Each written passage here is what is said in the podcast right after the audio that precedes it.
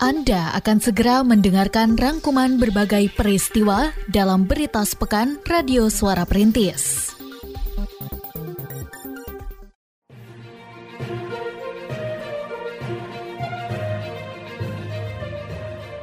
Berita sepekan Radio Suara Perintis FM Kota Sukabumi.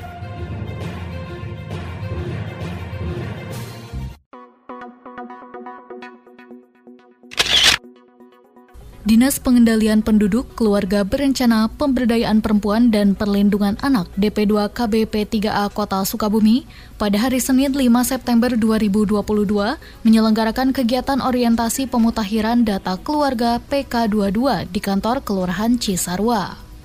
Kepala Bidang Pengendalian Penduduk Keluarga Sejahtera PPKS DP2 KBP 3A, Rita Rosita, menerangkan bahwa kegiatan pemutahiran yang kali ini dilakukan adalah untuk melengkapi data yang sudah didapatkan pada tahun 2021, yang berupa data mikro dan sejalan pula dengan permintaan dari beberapa kementerian. Dalam pemutakhiran yang akan mengambil sampel data dari 4.088 kepala keluarga di 25 kelurahan tersebut, 305 orang kader yang dilibatkan akan mencatat beberapa hal, di antaranya terkait program keluarga berencana dan kondisi tempat tinggal mereka. Ia mengharapkan dengan adanya pemutakhiran data ini akan diperoleh informasi valid mengenai kependudukan, keluarga berencana dan pembangunan keluarga KKBPK yang dapat digunakan untuk perencanaan dan evaluasi, sehingga program untuk mewujudkan keluarga kecil, bahagia, dan sejahtera bisa dilaksanakan lebih optimal. Eh, kegiatan sekarang itu adalah pendataan keluarga tahun 2022. Jadi sebetulnya pendataan keluarga itu sudah kita laksanakan di tahun 2021 yaitu mulai pada bulan April sampai bulan Mei. Nah sekarang ini ada data kita yang milik yang BKKBN milik itu data mikro jadi uh, ada juga beberapa titipan dari kementerian, makanya harus didata ulang lagi. Cuman karena bentuknya sampel, jadi dari 33 kelurahan hanya 25 kelurahan yang kita data, itu pun didata oleh 300 uh, 5 kader. Jadi yang di data itu sekota Sukabumi ada 4088 kakak. Badan Penanggulangan Bencana Daerah BPBD Kota Sukabumi menggelar kegiatan penguatan peranan wanita menuju keluarga tangguh bencana pada hari Senin 5 September 2022 di Madrasah Diniyah Kampung Babakan Garung, Kelurahan Karang Tengah. Kepala Seksi Pencegahan dan Kesiapsiagaan Bencana BPBD, Zulkarnain Barhami, mengatakan bahwa wanita memiliki peranan yang sangat penting dalam penanggulangan bencana, namun di sisi lain, berdasarkan kajian Oxfam, yang merupakan organisasi nilaba asal Inggris, wanita memiliki risiko tinggi menjadi korban dalam bencana alam, bahkan konflik sosial. Oleh karenanya, kegiatan penguatan ini harus dilakukan agar wanita bisa menjadi fasilitator, penggerak, maupun mengambil peran lebih besar dalam pengaruh utamaan penanggulangan bencana. Kegiatan yang dilakukan untuk mendukung pelaksanaan program peningkatan peranan wanita menuju keluarga sehat sejahtera P2WKSS menghadirkan narasumber di antaranya dari Taruna Siaga Bencana atau Tagana. Kegiatan yang kita lakukan di Kelurahan Karangtengah itu bertemakan penguatan peranan wanita hmm. menuju keluarga tangguh bencana. Kenapa kita melakukan kegiatan yang porsinya itulah untuk wanita, hmm. selain untuk mendukung program P2 WKSS, bahwa setiap kejadian bencana itu yang paling berisiko menjadi korban itu adalah dari kalangan wanita ataupun yeah. dari kalangan perempuan 60 sampai 70 persen hmm. wanita dan anak-anak itu menjadi korban ketika terjadinya sebuah bencana dan makanya kita sasar kita itu adalah untuk perempuan di mana mereka nanti kita harapkan menjadi keluarga yang tangguh bencana. Pengerjaan ruang perpustakaan SMP Plus Anaba yang menggunakan dana alokasi khusus DAK dari Dinas Pendidikan dan Kebudayaan Disdikbud Kota Sukabumi telah mencapai 40% dari target.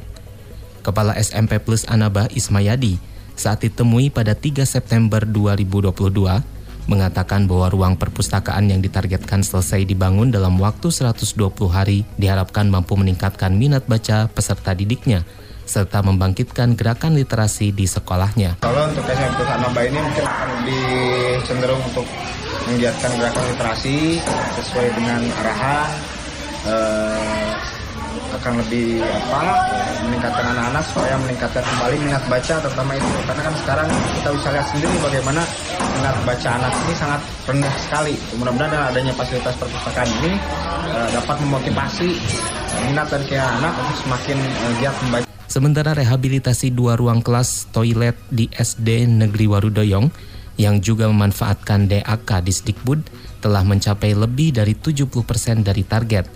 Kepala Sekolah Nani Kusdiningsih yang ditemui pada 5 September 2022 mengharapkan semua pekerjaan dapat selesai sesuai dengan target yang telah ditetapkan. Ia pun menjelaskan bahwa pihaknya sudah kembali mengajukan rehabilitasi melalui sistem Dapodik agar sekolahnya bisa menerima lagi DAK pada tahun depan karena masih ada beberapa fasilitas sekolah yang perlu diperbaiki. Untuk yang tahun depan diharapkan kami e, ingin merehab tiga empat ruang kelas lagi uh, yang kelihatannya memang sudah harus direhab.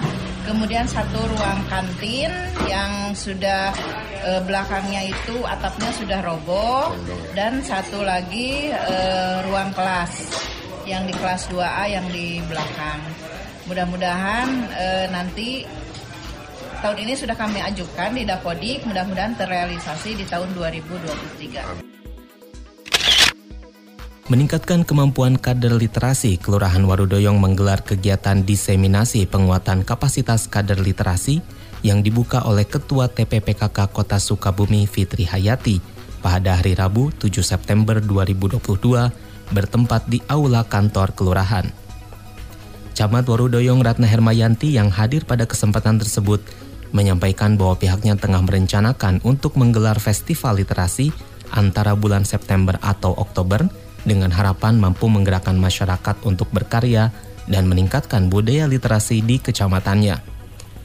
Sementara Lurah Warudoyong Ian Rojiman menjelaskan bahwa kegiatan ini dilakukan untuk menjaga kesinambungan berbagai inovasi literasi yang telah dibuat seperti Gema Warudoyong, Mager Mata, dan Taman Bacaan Masyarakat TBM Pelangi di RW 3. Diharapkannya melalui kegiatan ini pengetahuan dan keterampilan para kader meningkat yang akan berdampak positif salah satunya dengan bertambahnya jumlah TBM di Kelurahan Warudoyong.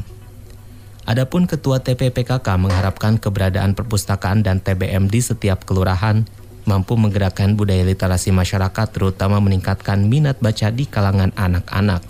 Sedangkan dalam penguatan kapasitas kader, TPPKK telah melakukan berbagai kegiatan seperti lomba dengan tujuan memancing kreativitas para kader untuk berinovasi dalam program literasi. Uh, semua perpustakaan, semua TBM di wilayah itu tingkat literasinya di masyarakat itu naik lah. Kalau sudah banyak kegiatan tadi Bu Camat uh, sampaikan mau ada festival literasi ya kita festival bukan hanya festival yang untuk gaya-gayaan atau festival untuk hebring-hebringan lah tapi festival literasi adalah festival yang akan meningkatkan minat baca utamanya adalah di anak-anak. Karena kan TBM itu kita lebih fokus ke anak-anak. Nanti karena PKK itu sebenarnya uh, perempuan uh, anak juga masuk gitu.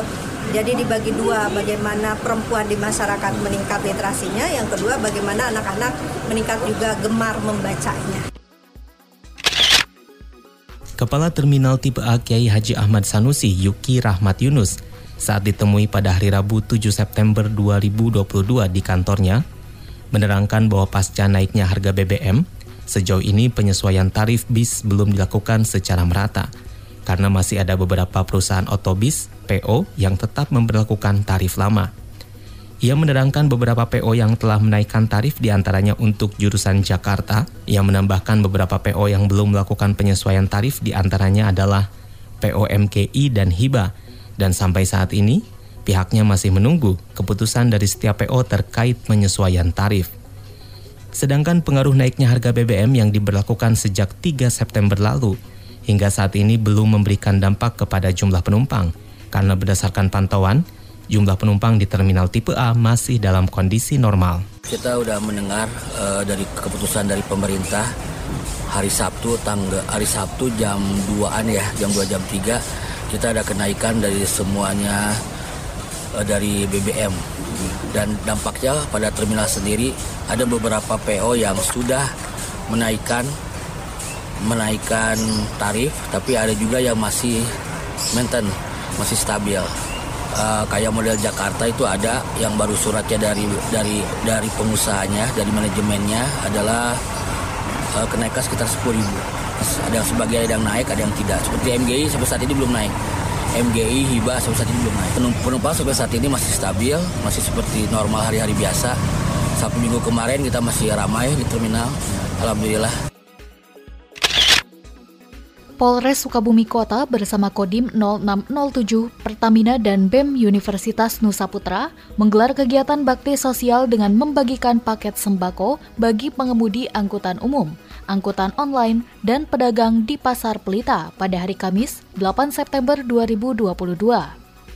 Kapolres Sukabumi Kota AKBP SY Zainal Abidin menjelaskan meski pemerintah menyalurkan bantuan sosial bagi masyarakat yang berhak pasca dikeluarkannya keputusan penyesuaian harga BBM, namun pihaknya beserta yang lain merasa perlu melakukan kegiatan ini untuk ikut meringankan beban masyarakat. Ia menambahkan pihaknya menyiapkan sekitar 100 paket sembako untuk dibagikan kepada masyarakat dan bakti sosial serupa akan dilakukan pula oleh jajaran Polsek dan Koramil di berbagai wilayah. Sebagaimana kita sudah bersama bahwa sejak tanggal 3 September kemarin, pemerintah mengambil sebuah kebijakan penyesuaian harga BBM yang tentunya akan berdampak terhadap kondisi perekonomian yang ada. Memang eh, antisipasi terhadap kebijakan tersebut sudah disiapkan dan Nah, kami monitor dua hari yang lalu sudah mulai tersalurkan bantalan sosial tersebut.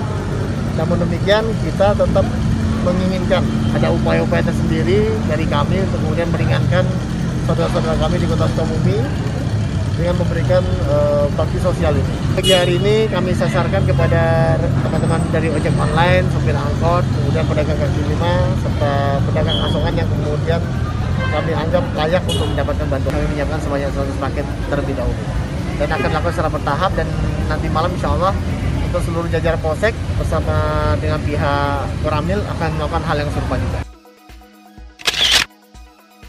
Menambah kenyamanan para penumpang bus, Terminal Tipe A Kiai Haji Ahmad Sanusi menyediakan rest area yaitu Kafe Tibas dan Balai Haur Koneng.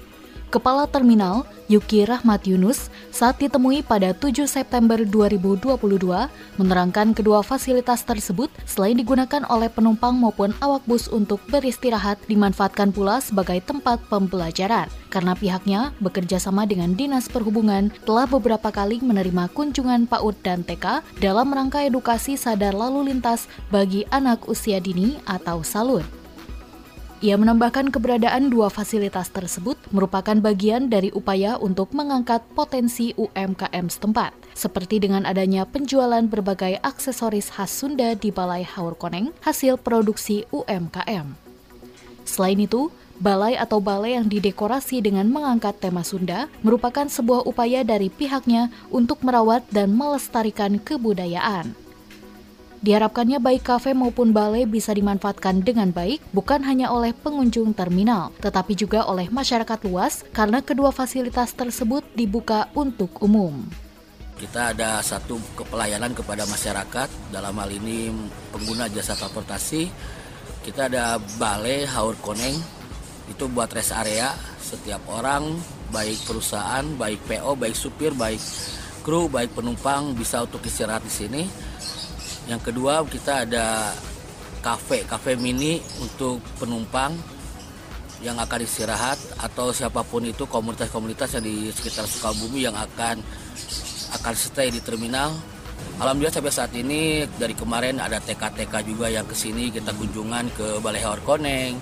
Kita kasih kasih ilmu-ilmu masa lalu lintas lah. 55 unit rumah di 5 RW Kelurahan Nanggleng mendapatkan bantuan renovasi rumah tidak layak huni dari pemerintah Provinsi Jawa Barat dan Kota Sukabumi. Hal tersebut diungkapkan oleh Lurah Nanggleng, Aditya Wibawa, saat ditemui di kantornya pada hari Jumat 9 September 2022. Ia menambahkan dari jumlah tersebut, 40 unit rumah mendapatkan bantuan dari pemerintah provinsi dan sisanya dibantu oleh pemerintah kota Sukabumi. Ia merasa bersyukur dengan adanya bantuan bagi warganya karena hanya empat kelurahan yang mendapatkan bantuan renovasi rutilahu tersebut. Di tahun ini Kelurahan Anggeleng sebetulnya mendapatkan dua program bantuan rutilahu. Yang pertama yang bersumber dari provinsi, yang kedua adalah dari DA, dari DAK. Untuk yang dari provinsi ini, alhamdulillah juga saya patut mengucap syukur karena dari 33 kelurahan hanya 4 kelurahan yang mendapatkan itu. Jumlahnya sebanyak 40 unit tersebar di 5 RW. Untuk DAK alhamdulillah kita terima 15 unit, kita mendapatkan 15 dan kelurahan yang lain juga sama ada yang 15 ada yang 20. Uh, eh, kita ke kebagian 15 juga sama tersebar di tidak hanya di satu RW. Oleh karena itu program DAK masih uh, belum mulai sampai saat ini. Sedangkan Ketua Badan Keswadayaan Masyarakat atau BKM Kelurahan Nanggeleng, Dasit, pada kesempatan yang sama, menerangkan bahwa proses renovasi Rutilahu didukung pula oleh dana swadaya masyarakat. Dari hasil pemantauan, 31 unit rumah telah menyelesaikan renovasi. Sedangkan untuk 9 unit rumah lainnya, pihak BKM tengah mencoba menggali potensi swadaya masyarakat agar proses renovasi bisa diselesaikan dengan baik. Ia mengharapkan pada tahun yang akan datang, kuota bantuan renovasi Rutilahu untuk Kelurahan Nanggeleng bisa ditambah, sehingga ikut mengurangi jumlah kawasan kumuh. Alhamdulillah dari 31 eh, dari 40 titik ini 31 dapat bantuan dari keluarganya, tetangganya sehingga eh, rata-rata uh, bisa menyelesaikan itu. Adapun beberapa yang tertinggal karena uh, ekonomi kemudian karena memang tidak punya keluarga yang mampu ya terpaksa kami harus mencarikan sebagai BKM agar uh, program itu tuntas. Cuman untuk evaluasi ke depan kami mohon dievaluasi lagi walaupun di sana tidak ada istilah membangun tapi pelaksanaannya membangun dengan nilai 20 juta